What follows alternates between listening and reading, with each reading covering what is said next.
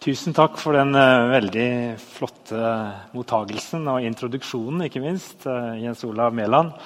Jeg må jo kvittere tilbake da jeg sa når jeg hørte uh, Jeg visste jo at du bodde ganske nærme oss på Gandal, men når du ringte meg i vår, var det vel første gang, så ble jeg litt så fylt av litt sånn ærefrykt. For det, for det var nemlig sånn at når jeg lurte på om jeg skulle studere teologi i sin tid, så kom jeg over noen bøker sånn i på slutten av gymnaset. En av de var en uh, bok om apologetikk som Jens Olav Mæland hadde skrevet. og Den ga meg ga mersmak, så jeg tenkte dette kan bli spennende. Jeg tror På forsiden så var det et veldig flott bilde fra alteret i Gann kirke. Kan det stemme? Ja. Det stemmer. Av Odd Orrestad. Så jeg husker i hvert fall bokforsiden, og jeg husker at jeg leste litt i den. Men takk for uh, som sagt, uh, hyggelig å være her. Og imponert over så mange som kommer på en sånn uh, kveld som handler om noe så på en måte litt dystert. For selv om det handler om håp i høst, så, så, er det jo litt om kontrasten til håpet jeg skal snakke litt om. I hvert fall Hvordan det ofte kan oppleves for mange av de som er rundt oss. Men nå er jo det med psykisk helse og depresjon, ulike varianter av depresjon, det er jo blitt noe som kanskje de fleste av oss har fått nærmere livet. Det, det, snakkes mer om, heldigvis. Og de aller fleste av oss kjenner noen som har hatt det sånn, har det sånn, eller vi har opplevd det sjøl. Da kan det være nyttig å eh, bli bedre kjent med det. Og kanskje har jeg opplevd noen ganger at eh, det, det, er litt tette skott mellom troens univers og psykiske problemer. Så vi vet alle at det er en del av våre kristne brødre og søstre som går til psykolog og som får god hjelp i det psykiske helseapparatet. Men det er ikke alltid de opplever at de klarer å kombinere det, det livet som de lever i menigheten, hvis de klarer å være i menigheten fortsatt med psykiske vanskeligheter, og det som de på en måte får hjelp til utenom. Og Jeg er opptatt av å bygge bro mellom de to delene av uh, livet. Derfor handler det i kveld om psykisk helse og tro. Eller depresjon i depresjonens landskap og, og tro. Um, skal jeg begynne, nå skal jeg begynne og Jeg tar utgangspunkt litt i denne boka som kom i fjor, og leser litt utdrag og biter fra den. Da jeg var liten, var jeg redd for, dem, for det som kunne være i mørket. Spesielt fryktet jeg den kalde mørkekjelleren i vår store, gamle prestegård. Rommet der vi oppbevarte ved. Noe av barndommens første erfaringer av mestring handlet om dette. Å trosse redselen for mørket der nede. Bevege meg ned trappene hver kveld gjennom vinteren for å hente opp et fange ved. I begynnelsen måtte noen være med meg. Etter hvert var jeg mindre redd for det ukjente som kunne skjule seg i mørkekjelleren. Men mørket i seg selv, det frykter jeg fortsatt. Ikke så mye for det som er der, men mer for alt som ikke er der. Jeg frykter den bunnløse, bekmørke tomheten, suppa av ingenting. Den nådeløse kulden, den eksistensielle angsten. Den sjelelige ensomheten uten de andre, uten Gud. Jeg har hatt perioder da jeg har følt som om jeg var omsluttet av et slikt voldsomt, trykkende, ensomt mørke. Og jeg har oppriktig trodd at jeg var alene i det mørket. For hvor var Gud? Og hvordan skulle de andre nå inn til dit jeg var? Dette mørket kan virke selvforsterkende. Da kommer angsten for at det bare er begynnelsen på noe enda verre. Andre har beskrevet et landskap som ligner. De, det arter seg forskjellig for den enkelte, men tilstanden kalles med en fellesnevner depresjon.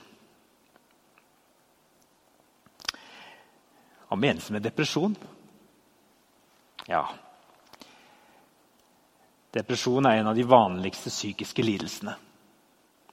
Styrkegraden varierer fra milde symptomer til alvorlig depresjon med selvmordsfare.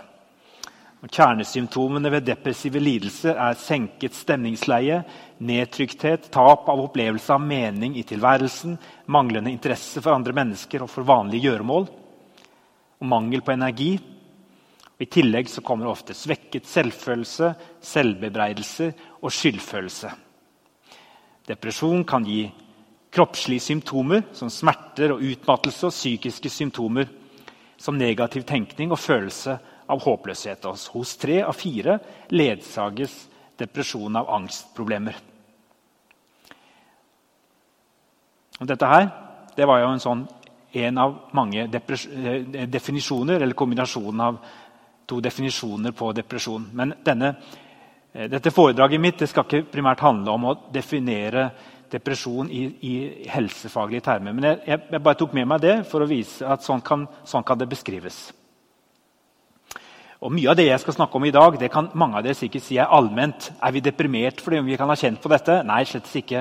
Og Jeg har valgt i denne boka i dette arbeidet å, å bruke ordet depresjon om et veldig bredt register av følelser og stemningsleie. Det kan være helt fra det vi kaller for en lettere depresjon eller bare nedstemthet, og til klinisk depresjon, der man må ha behandling og faglig hjelp og kanskje til og med innleggelse. Og her er det jo et veldig bredt register, og vi befinner oss et eller annet sted der fra normal, normal stemningsleie til, til, noe som blir sykt. Um, jeg er ikke den beste til å presentere fakta om depresjon. Jeg er egentlig ikke et fagmenneske på dette. Jeg er først og fremst prest. Og Bibelen den er den store fortellingen som jeg tror alle menneskers små og store livsfortellinger kan plasseres innenfor. Så Det er på en måte mitt, min plattform. Det er mitt fagområde. Og Jeg opplever at Bibelen er rik på ikke minst på bilder og metaforer som jeg tror faktisk mange som opplever å være i mørket, syns det er godt å gripe til. Dere kjenner Det kanskje igjen. Altså, det er en helt fantastisk rikdom, ikke minst i Salmenes bok, som jeg er overbevist om i flere partier beskriver det som vi kanskje i dag ville kalle for alvorlig nedstemthet eller personlige kriser eller depresjon. Vi hadde ikke sånne uttrykk for det, men, men det er ofte bilder og metaforer og ganske sterke, sterke beskrivelser. Og jeg har møtt mange deprimerte, og meg sjøl inkludert, som ofte opplever at det er lettere å ty til sånne bilder og nesten poesi når vi skal beskrive det vi har vært gjennom, enn kanskje de typiske fagtermene. Jeg vil begynne med, og Det er jo ikke sånn at noe av dette jeg snakker om i dag, kan erstatte faguttrykkene, for de er viktige på sin måte. Men jeg tenker at uh, vår, våre fortellinger gjennom Bibelen og gjennom vår kristen, kristne tro kan utfylle. Jeg kan begynne med min egen fortelling. Eh, en fortelling fra det mørke dypet, kan vi kalle den. Eh, og litt om hvorfor det kan oppleves kanskje ekstra dramatisk for den som har troen rundt seg på alle kanter når man kommer inn i et sånt mørke. Jeg var bare, jeg var, Typisk den introduksjonen som kom her nå, det er ganske, det ganske kjennetegnet akkurat for meg. Og kanskje det forteller noe om hvorfor det ble såpass alvorlig òg. Har jeg tenkt på i ettertid. Jeg, jeg, er eh, sønn av en prest, og han var sønn av en prest. Og hadde søs, han hadde søsken på begge sider som var prester, og søstera var gift med en prest. Og jeg er, hadde en storebror som var ti år eldre, og som allerede var, på, var ferdig med menighetsfakultetet og var på god vei inn i en prestegjerning. Og Så kommer jeg som 15-åring, litt veslevoksen med mange store søsken. og opplever å leve i et trosunivers eh, der det handler om på en måte det kristne Jeg hadde masse gode venner som ikke nødvendigvis var noe aktive i kristen sammenheng. Vi hadde TenSing-arbeid, og vi, hadde, vi var en liten bygd på Stranda på Nordvestlandet. Veldig gode oppvekstvilkår. Men jeg var prestesønn. Og det betyr at eh, jeg både hadde opplevd det sjøl og har valgt det sånn, og også hadde mange gode forventninger knyttet til det at, eh, at jeg skulle eh, tro på Gud, og at Gud skulle være en viktig del av livet. Det var akkurat som om, akkurat som om troen var eh, alle fire Det var noen sånne husvegger som jeg lente meg mot. Og så skjer det Jeg skal ikke bruke lang tid på det, men, men, eh, men det skjer med meg som skjer med veldig mange ungdommer i dag. At, eh, og kanskje jeg var en sånn tidlig utgave av eh, generasjon prestasjon. I dag er det et enormt press på unge, unge mennesker å som kjenner på at de, de, skal leve opp til et eller annet, noen forventninger som de har inni seg eller som de har rundt seg, til å levere. Og vi forstår ikke helt hvorfor de er så skjøre. Hvorfor det skal så lite til før de velter. Men sånn er det og jeg var en, eh, en sånn en allerede i 1989. Som 15-åring så opplevde jeg etter sannsynligvis å ha hatt et press på meg gjennom litt for mye aktiviteter, litt for mye ansvar i ungdomsmiljø. og Jeg skulle være med på alt mulig, og jeg skulle være god på skolen og jeg skulle spille fiolin. Og mange ting. Og så plutselig, så, en januardag, så, så våkner jeg opp en dag, og så er det et eller annet som har satt seg i hodet mitt. Jeg har begynt å tenke på et eller annet. Og det jeg begynte å tenke på, det hadde noe å gjøre med min tro å gjøre. Så, sånn begynte det. Det hadde noe å gjøre med noe jeg ikke fikk til å gå helt i hop. Eh, kanskje handlet det om det ondes problem. eller noe sånt. Jeg vet ikke om jeg allerede som 15-åring begynte å tenke på hvordan kunne det ha seg at Gud kunne tillate sånn eller sånn. Og så begynte jeg å kverne på dette her. Og så, og så gikk jeg til faren min og så snakket jeg med han. Og så, og så ga han meg noen gode svar. Og så sa jeg ja, selvfølgelig, det var godt. Han ga meg noen gode svar i dag også. Og så, og så la jeg meg trygt, og så sto jeg opp neste dag. Så var tankene der igjen. Men nå kom de liksom i nye stormkast. Og så, og så, og så var det akkurat som om på en måte hele konsentrasjonen min på bare noen få timer og døgn var fullstendig fanget inn av disse bekymringene og tankene og grubleriene. Jeg, og, Jeg forsto ikke hvorfor det skulle være så voldsomt. for Jeg hadde jo tenkt på dette før. Jeg hadde tvilt og gjort, vært innom forskjellige ting, Men nå var det akkurat som jeg ble helt slått ut. Og Så kom jeg på skolen og så kjenner jeg at jeg klarer ikke å følge med i undervisningen. Alt som blir sagt der framme, det bare svirrer forbi. og jeg jobber og jobber i hodet mitt, og det går masse energi. Og jeg sover dårlig om nettene. Og på bare noen få dager så er jeg på vei utpå bakke inn i en ganske alvorlig depresjon. Fikk jeg forklart. For da sa ganske fort eh, noen av de som sto rundt meg, at det du har nå, det er nok sannsynligvis en depresjon. Vidar. Det vet du kanskje ikke helt hva er, men så prøvde de å forklare meg litt det. Og så hjalp det litt å få et navn på det. Men så sa de i neste omgang at du må regne med at det kan ta litt tid. Ja, lenge da? En uke? Ja, det er nok mange som opplever at det kan ta opptil en ja, kanskje så mye som seks måneder. Eller mer. Vi vet ikke. Det er vanskelig å si. Seks måneder, det er lenge for en 15-åring. Eh, og så fikk jeg etter hvert litt hjelp, men eh, måtte reise ut til Ålesund og gå litt i samtaleterapi. Men det var veldig, veldig nytt og veldig ukjent for meg på den tida der. Jeg hadde jo veldig mange gode folk rundt meg, men dette opplevdes veldig dramatisk. Og så var det jo noe knyttet til dette med tro. det innledet med. Men det var nok sannsynligvis veldig sammensatt av andre ting også. Det har jeg jo skjønt i ettertid. Ehm, og så gikk det såpass langt ned at jeg, begynte å få selvmordstanker. Og, og, var en av disse ungdommene som kanskje kunne ha blitt en del av statistikken. Heldigvis så ble det ikke sånn. Eh, det var noe som gjorde at akkurat jeg eh, slapp unna. Eh, kom meg gjennom den verste dagen og, og fikk hjelp. Eller hadde jo fått hjelp hele veien, men da fikk jeg på en måte, Da var jeg egentlig over det vanskeligste, og så ble ting bedre etterpå. Men eh, det ble en veldig tøff erfaring for en liten 15-åring. Eh, og jeg pleier å, å, bruke bilder, for en ting er det Bibelen gir av bilder, men noe, et par av de bildene som jeg har hatt på den situasjonen som jeg var i, det er, eh, det er det at jeg opplevde det som eh, det var en eh, harddisk. Det vet noen ganger så, går, så, så har dere en datamaskin, så går harddisken på en måte seg fast. Så blir den bare stående, og, og, og, vi, og da må vi slå den helt av, og så må vi slå den på igjen. Det tar lang tid før den kommer i gang igjen. Og Sånn opplevdes det nok for meg. Altså at jeg, jeg, hadde nok sannsynligvis fylt på med altfor masse inntrykk over tid i lite, et lite, relativt lite hode. En litt for ung, uh, ung, ung, gutt. Og så ble det rett og slett for mange ting på en gang. Og så, og så etter hvert så, og, og, jeg må jobbe, det hodet må jobbe med de tingene, og da er det helt umulig å bruke hendene og være i gymtimen og gjøre alle de vanlige tingene. Spille fiolin. Alt sammen sluttet på en måte å fungere. Og Det er helt typisk for en depresjon, fordi at det skjer så mye der oppe, og all energien går med til det. Et annet bilde som jeg har brukt, det er en gruvesjakt. Den opplevelsen av å på en måte bli, bli, sendt nedover i en mørk gruvesjakt. og Så går du lenger og lenger ned, og så har du med deg et bitte lite lys. Men det lyset det blir svakere og svakere, og så ser du bare noen mennesker Du ser kanskje et lys langt der oppe, eh, men det virker helt utenkelig at noen egentlig skal kunne klare å komme seg helt ned der hvor jeg er. Men heldigvis, og, heldigvis, og det er jo sånn en ofte tenker, at det finnes ikke noen vei opp. Og Spesielt for en 15-åring som aldri har vært inne i dette før, så er det lett å tenke at eh, sånn skal det alltid være. Så når folk utenfor da kommer med sine vennlige beskjeder om at dette kommer til å gå over, vi kan ikke si hvor lenge, men det kommer til å gå over, eh, så er det vanskelig for oss å tro på det. For vi vet jo best. Dere andre kan jo ikke sette deg inn i hvordan jeg har det. Det er jo ganske typisk også når en voksen blir deprimert. så er det jo ofte sånn at vi, veldig, vi, veldig, vi, er ganske sikre på vår egen situasjon og på hvordan ting nå en gang er. Og at andre skal komme og fortelle oss hvordan at ting kommer til å gå over, at ting blir bedre, det preller ofte av. Og Likevel så er det viktig at vi som står rundt, kommer med disse her motmeldingene og kommer med alternative historier.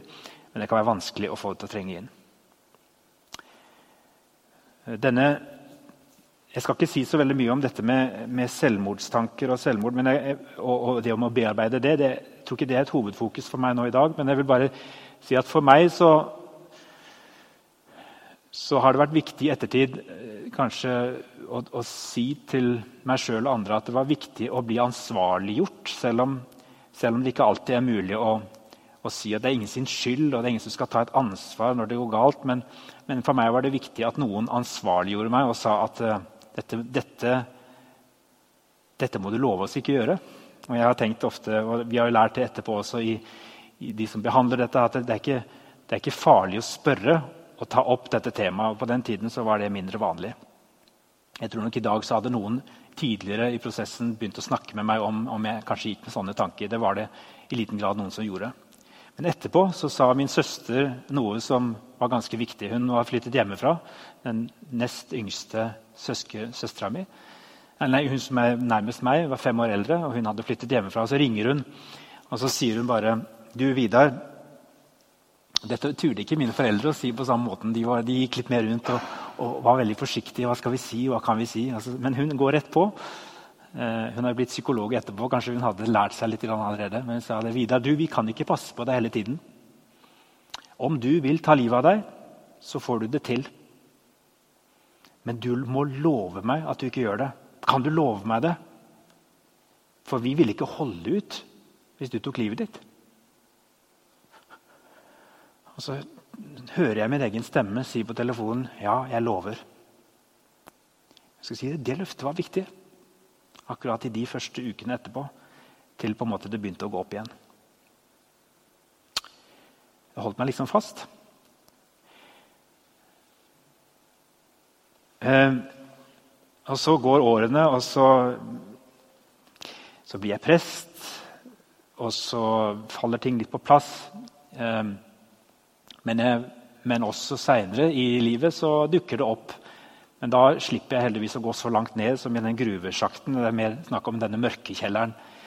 Eh, noe av det handler om eh, å ha gode folk rundt seg. Noe av det handler om å være kommet litt lenger i livet. Noe av det handler om eh, medisiner som kom etter hvert på markedet, og som det var mulig å ta når man kom inn i dette. her. Så Tre-fire ganger etterpå har jeg vært innom depresjon, men aldri så alvorlig som da jeg var 15 år. Og heldigvis har jeg fått lov til å være fri for de mest alvorlige tankene. Men eh, jeg kjenner til dette med harddisken som kan gå seg, kan gå seg eh, Hva heter det? Varm.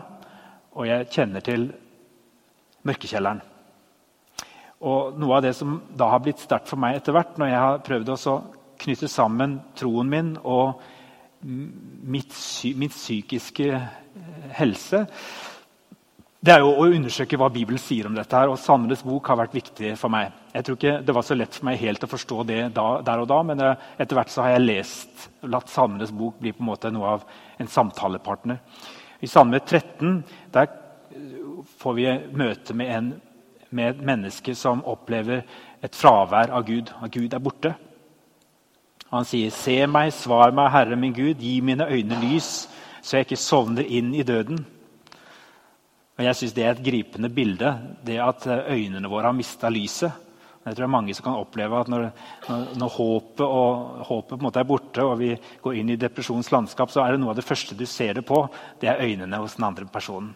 Er akkurat som lyset er borte et av de gode bildene i Det gamle testamentet. Derfor kalte jeg boka for det 'Gi mine øyne lys'. Eh, jeg tror det er sånn, og det er kanskje litt viktig for oss å få fatt i for å forstå hva som skjer Ikke minst når unge mennesker opplever dette her og ikke har så veldig mye livserfaring. Mer enn vi aner, så tror vi, ikke bare fordi noen har sagt det, at Jesus lever og at Gud finnes, men vi tror også fordi vi har sanset og erfart noe. En trygghet, et nærvær. Og veldig mye av det vi sanser og erfarer, har sanset og erfarer i troens verden, mer enn vi tror, mer enn vi kanskje vet, eller mer enn vi kanskje husker, tar vi inn gjennom øyne og ører. Vi tar det inn gjennom naturen, vi tar det inn gjennom de gode, det gode måltidet, smaksopplevelser. Vi tar det inn gjennom mennesker som gir oss klemmer, som møter oss, og som, som er Kristi ansikt for oss. Uendelig mye av den godheten som omgir oss i verden, den kommer jo fra Gud, og den skaper tro. Så når vi går til Bibelen og når vi, vi hører om Bibelens fortellinger, så bekreftes også de erfaringene som kommer. Ikke bare som en sånne indre opplevelser, indre mystiske opplevelser. Noen opplever kanskje det, men for de fleste av oss så tar vi inn troen gjennom vår erfaringsverden, ikke minst gjennom øynene våre, følelsesregisteret vårt, sansene. Når vi blir deprimert, så er det akkurat som om alt dempes ned alle, alle sanseinntrykk dempes ned. Det er sånn, nesten som en fysisk erfaring. Alt blir grått. Vi klarer ikke å se fargene på samme måten. Og, og, folk kan snakke til oss og si gode ting til oss, men alt på en måte høres en annen, på, et, på, en annen måte. Vi, vi, tror ikke på det, eller det, blir, det, er et eller annet som gjør at det får ikke den kraft som det vanligvis har. Og da er det klart at troen kan oppleves helt borte.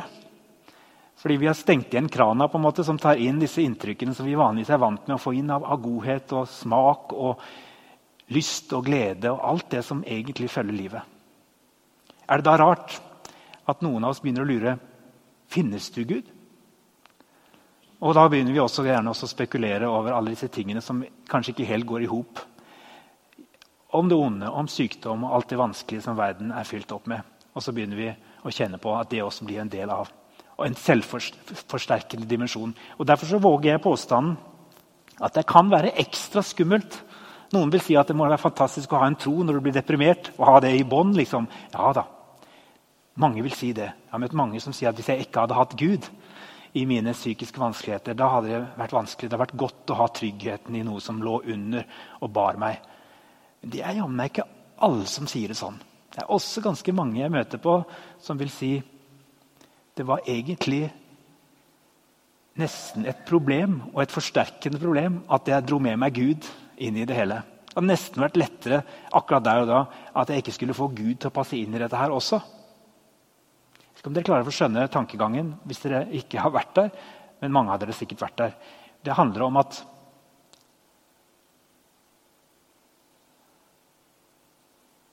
vi har forventninger til en Gud som er allmektig, og som kan, og som har frelst oss, og som er levende. Eh, og når eh, det for min del var sånn at eh, jeg ikke bare hadde troen på en sånn armlengdes avstand som noe sånn som jeg holdt for sant, og som jeg gikk til av og til, men som jeg egentlig ikke hadde noe sånn særlig eksistensielt forhold til. Det er jo kanskje mange som vil si at gudsforholdet deres er slik. Men jeg hadde et veldig aktivt gudsforhold. Det, var, det handlet om det flere dager i uka. Det var tensing, det var leir, det var å være leder, det var å sitte og snakke med foreldrene mine. Det var masse forventninger knyttet til å være i en familie der veldig mye handlet om troen.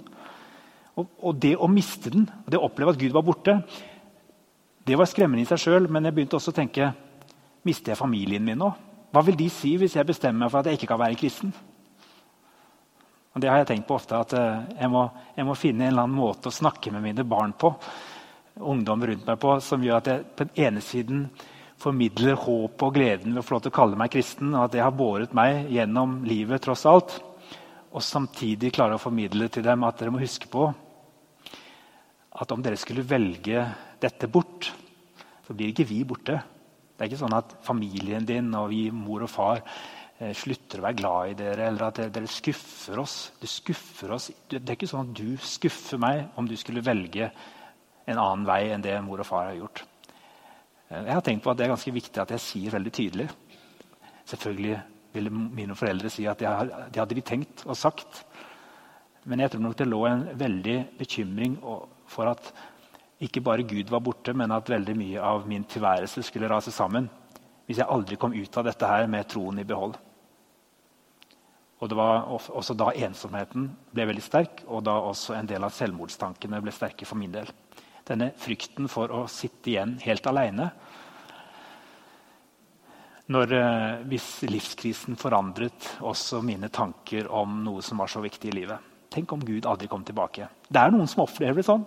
De klarer, finne, de klarer ikke å pusle dette sammen igjen etterpå. De finner ikke helt tilbake igjen. Heldigvis er det veldig mange som både med egen hjelp og andres hjelp pusler sammen troen sin og får kanskje en sterkere tro etterpå. Det opplevde jeg. Jeg står også side ved side med enkelte mennesker som eh, ikke klarte det.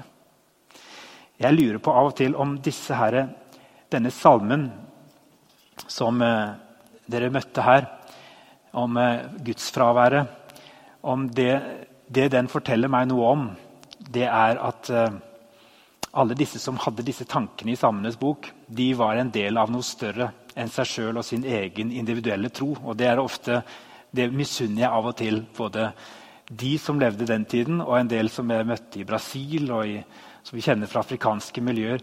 Der er, måte, der er, det sånn at Troen den er ikke min alene. Det er ikke jeg alene som skal bære dette og få dette til å gå i hop. Men troen den bæres av hele storfamilien. Og det, og det, er ikke noe individuelt. og Det betyr at jeg tror det handler om, jeg tror det er derfor mange som får det kjempetøft i, på samme måten i en del andre land, i en del andre kulturer. Eh, de de bæres på en eller annen måte videre gjennom eh, fellesskapet. Kanskje enda lettere enn det vi opplever i, i, våre sammenhenger. Men det er en appell til oss appell til oss alle sammen om å, å være et fellesskap som tror, og noen gang på vegne av andre. Og si til mennesker at du, vet du hva? Sola, den lyser for alle, den lyser, står der på himmelen og lyser uansett selv om du ikke ser den nå, så lyser den for noen mennesker. Han, han finnes. Sola finnes, og sånn er det som er Gud. Og han lyser på, på, meg, kan jeg si, til den som er i mørket, og sier 'Jeg ser sola'.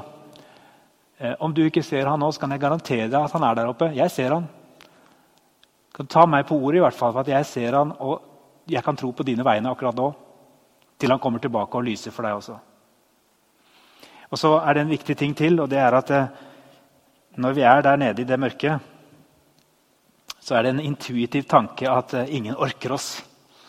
Derfor så møter vi ikke opp i fellesskap. Vi orker kanskje ikke å gå ut vi orker ikke å være sammen med andre mennesker. Og det er både fordi vi både skammer oss og fordi vi ikke har krefter til det. Men det kan også være fordi vi er redd for avvisningen eller redd for at folk ikke orker å være sammen med oss.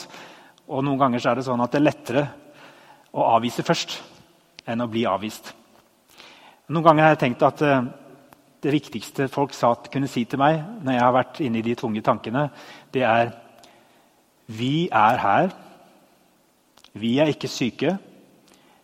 Det er du som er syk. Vi står utenfor. Vi syns det er tøft å se hvordan du har det. Men du skal bare vite at du skal ikke ta hensyn til oss, for vi har det bra. Du er der du er. Vi vet ikke hvor lang tid det vil ta. Du må ta den tid det trenger. Du skal ikke skynde deg med å bli frisk. For det må ta den tid det trenger. Vi skal hjelpe deg så godt vi kan.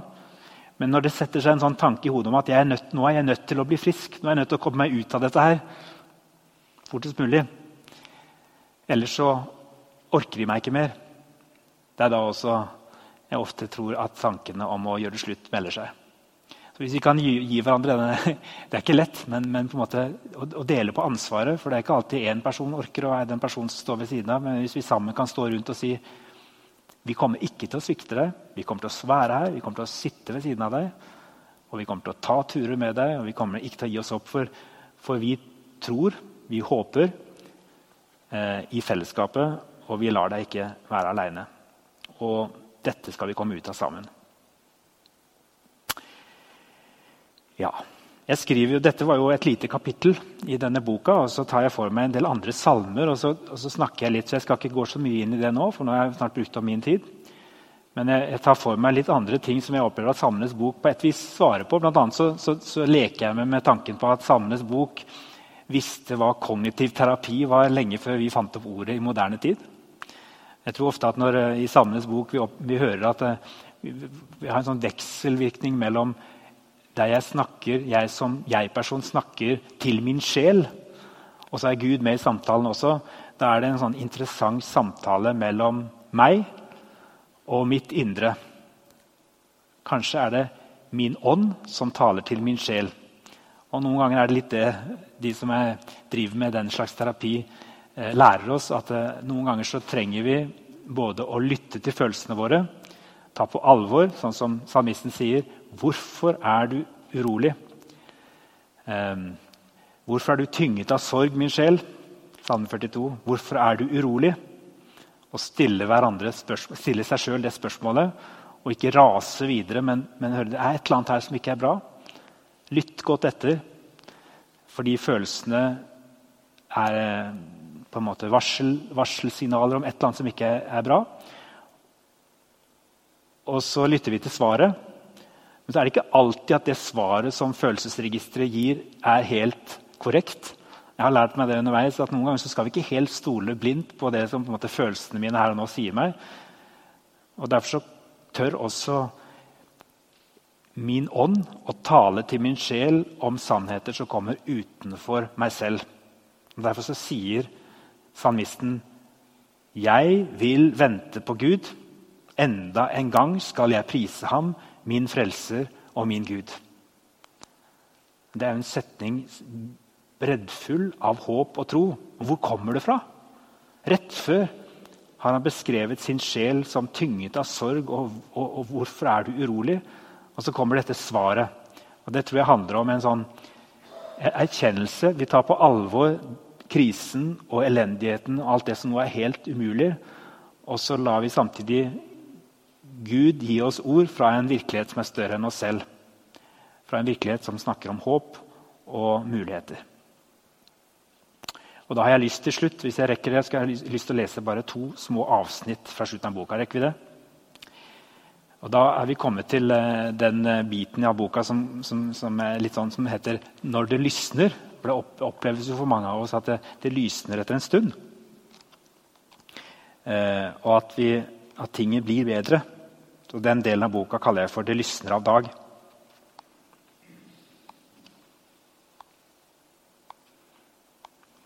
og et avsnitt heter 'Så lenge det er håp'. Hvis vårt håp til Kristus gjelder bare for dette livet, så er vi de ynkeligste av alle mennesker. Men nå er jo Kristus stått opp fra de døde som førstegrøden av dem som er sovnet inn. Fordi døden kom ved et menneske, er også de dødes oppstandelse kommet ved et menneske. 1. Korinterbrev 15. Uansett hvor dårlig livet er, finnes det alltid noe du kan gjøre og lykkes med. Så lenge det er liv, er det håp. Det er ordene til den berømte vitenskapsmannen Stephen Hawking, som gjorde banebrytende oppdagelser innenfor moderne fysikk og kosmologi. Kort tid etter at Hawking fylte 21 år, ble han diagnostisert med en uhelbredelig sykdom som bandt ham til rullestolen. Den tok senere fra ham alle muligheter til å kommunisere direkte med omverdenen. Da sykdommen brøt ut, ble han forespeilet et kort liv. Geniet pekte nese til realistene og rakk å bli 76 før han døde i 2018. Han viste hvilken kraft som finnes i håpet når ulykken rammer som hardest. Men selv for den ukuelige Stephen Hawking gikk det en grense for håpet ved livets avslutning. Tross en unik åpenhet for universets mysterier avviste han troen på en personlig gud. Det respekterer jeg. Med utgangspunkt i et kristent livssyn velger jeg å snu opp ned på uttrykket 'så lenge det er liv, er det håp'. Jeg sier 'så lenge det er håp, er det liv'. Håpet mitt henter ikke næring fra kroppens signaler. Håpet mitt er forankret i Guds løfter i Jesus Kristus. I mitt univers er det håp også når livet ebber ut og avsluttes. Når døden inntreffer, enten brått og brutalt og altfor tidlig eller sent i livet. Det er liv, og det er håp både før og etter døden. Takk Gud for at håpet i Kristus ikke bare gjelder for dette livet. Gi meg del i det håpet som aldri rokkes av livets skiftende omstendigheter. La ditt rike komme her hos meg i dag, så jeg med beina på jorda kjenner smaken av himmel.